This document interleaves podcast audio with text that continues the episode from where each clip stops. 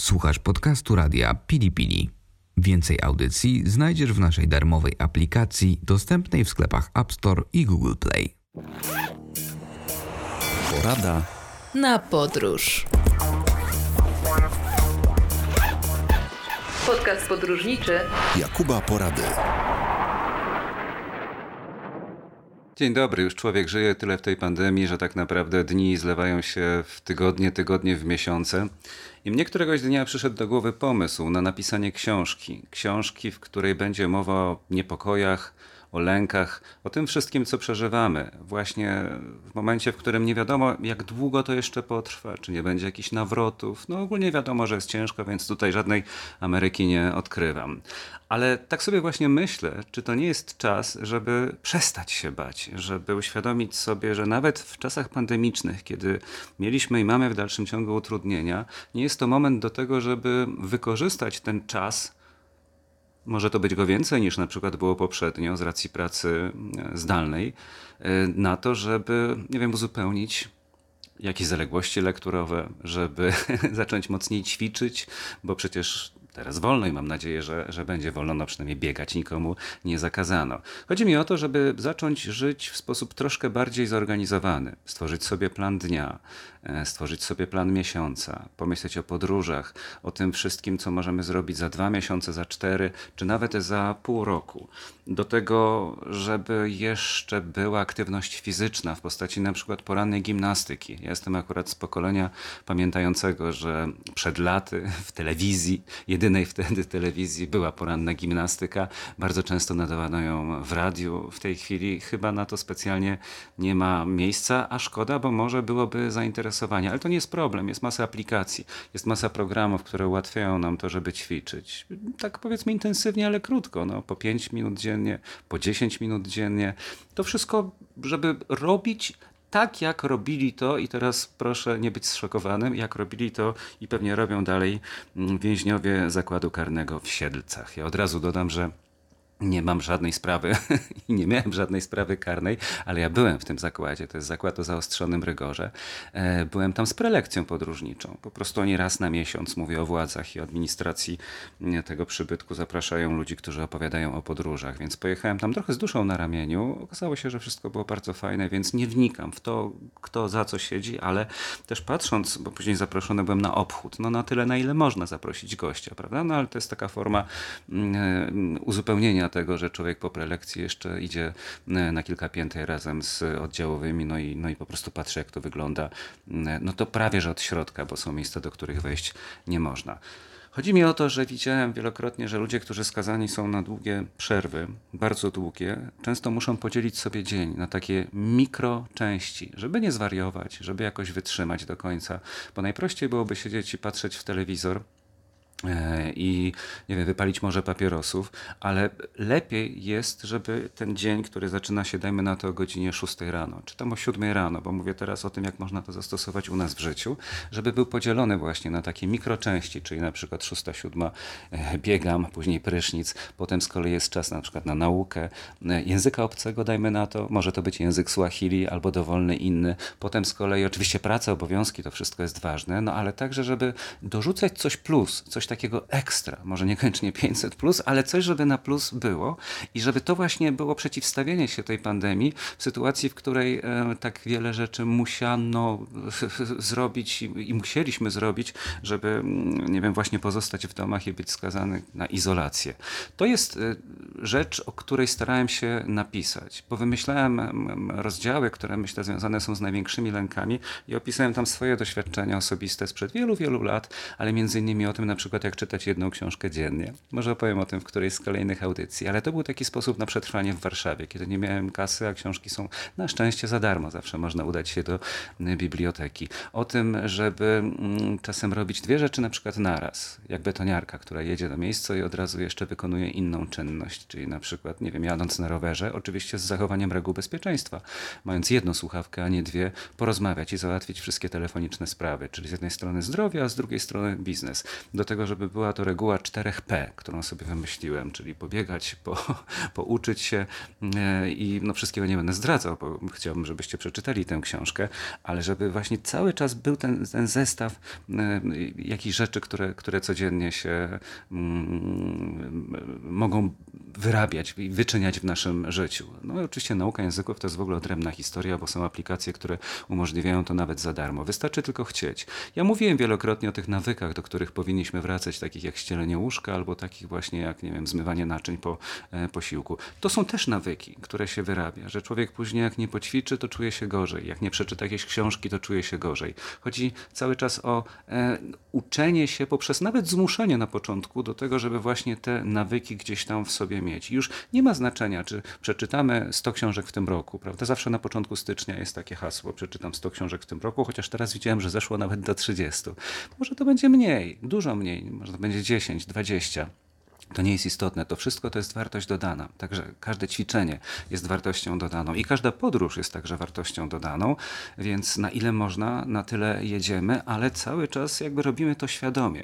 Więc do tego przywiązuję bardzo dużą wagę i zawsze staram się w tej Polsce majowej, jak ją teraz nazwałem, żeby również o tym pamiętać. Zwłaszcza, że jesteśmy na chwilę przed sezonem turystycznym, tym prawdziwym w sensie wakacji, no bo zawsze lipiec i sierpień uznaje się za miejsca, w których najwięcej się podróżuje i warto właśnie też takie plany czynić, bo jest po prostu łatwiej. No, rower jest środkiem transportu, który może kosztować pewnie kilkaset złotych, a może kosztować pewnie kilkanaście tysięcy złotych, ale każdy może jakiś wybrać, więc nieważne, czy to będzie taka marka, czy śmaka, ważne, że się pedałuje i dlatego się jedzie. Do biegania wystarczy tylko zwykły dres. Też nie musi to być jakaś wypasiona mm, sprawa, że w postaci, nie wiem, ciuchów, które kosztują kilka tysięcy. No ale to już zależy tylko od nas. W tym wypadku chciałem powiedzieć od was, ale, ale także od nas. Więc y, mam nadzieję, że będę niebawem mógł się pochwalić już e, tą książką kolejną w swoim dorobku i więcej opowiedzieć właśnie o tych sposobach na życie, o życiu w czasie pandemii, ale także o życiu po pandemii. I to wszystko da nam dodatkową nadzieję i dodatkowego motywacyjnego kopa do tego, żeby ruszyć przed siebie i żeby dalej planować. Tak jak, tak jak ja planuję podróże w cyklu e, Porada na podróż. I wracamy po przerwie. Podcast podróżniczy Jakuba Porady.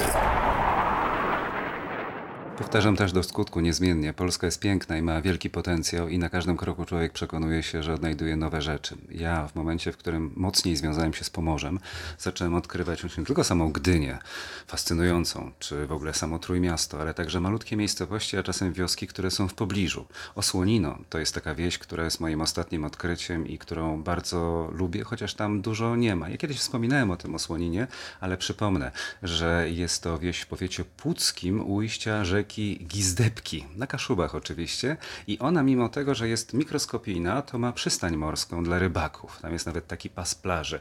Dużo osób, które jeżdżą kamperami, próbują tam e, właśnie zacumować na chwilę, ponieważ to jest, przynajmniej do niedawna było jedno z niewielu miejsc, w których można było postawić kamper bezpośrednio nad morzem i nawet można było kamperować za darmo. Trzeba sprawdzić, jak będzie w tym sezonie, więc nie chcę tutaj być łapany za słowa, gdyby okazało się, że coś się zmienia, a poza tym też trzeba pamiętać o tym, żeby nie niszczyć przyrody, więc wszystko wszystko w zgodzie z zasadami sztuki. Nie ma kebabu, nie ma pizzy, jest tylko jeden sklep, jeden sklep spożywczy. No i to ma właśnie swój urok, zwłaszcza, że ta wieś e, rzeczywiście historią potrafi swoją porazić. Ona powstała w 1355 roku i to była wieś klasztoru Kartuzów w Kartuzach w powiesie puckim województwa pomorskiego w drugiej połowie XVI wieku. Zresztą tam kiedyś odkryto starą osadę garncarzy i to potwierdzają wydobyte z ziemi wyroby rzemieślnicze, a także groby skrzynkowe. A w okolicy jest jeszcze coś, co absolutnie może urzekać, czyli rezerwat przyrody Beka. Tam jest wiele unikatowych gatunków ptaków na skalę europejską i światową. No i klif, klif osłoniński, który mm, ma 16 metrów, może to jest dużo, może to jest mało, jest po prostu piękny. No i molo, o którym mówiłem, no to jest zawsze taki początek i, i zakończenie podróży. Ale Osłonino to nie jest jedyna wioska, która tam znajduje się na tym szlaku, na trasie powiedzmy do Władysławowa, ponieważ jest także Swarzewo, które słynie z odpustów.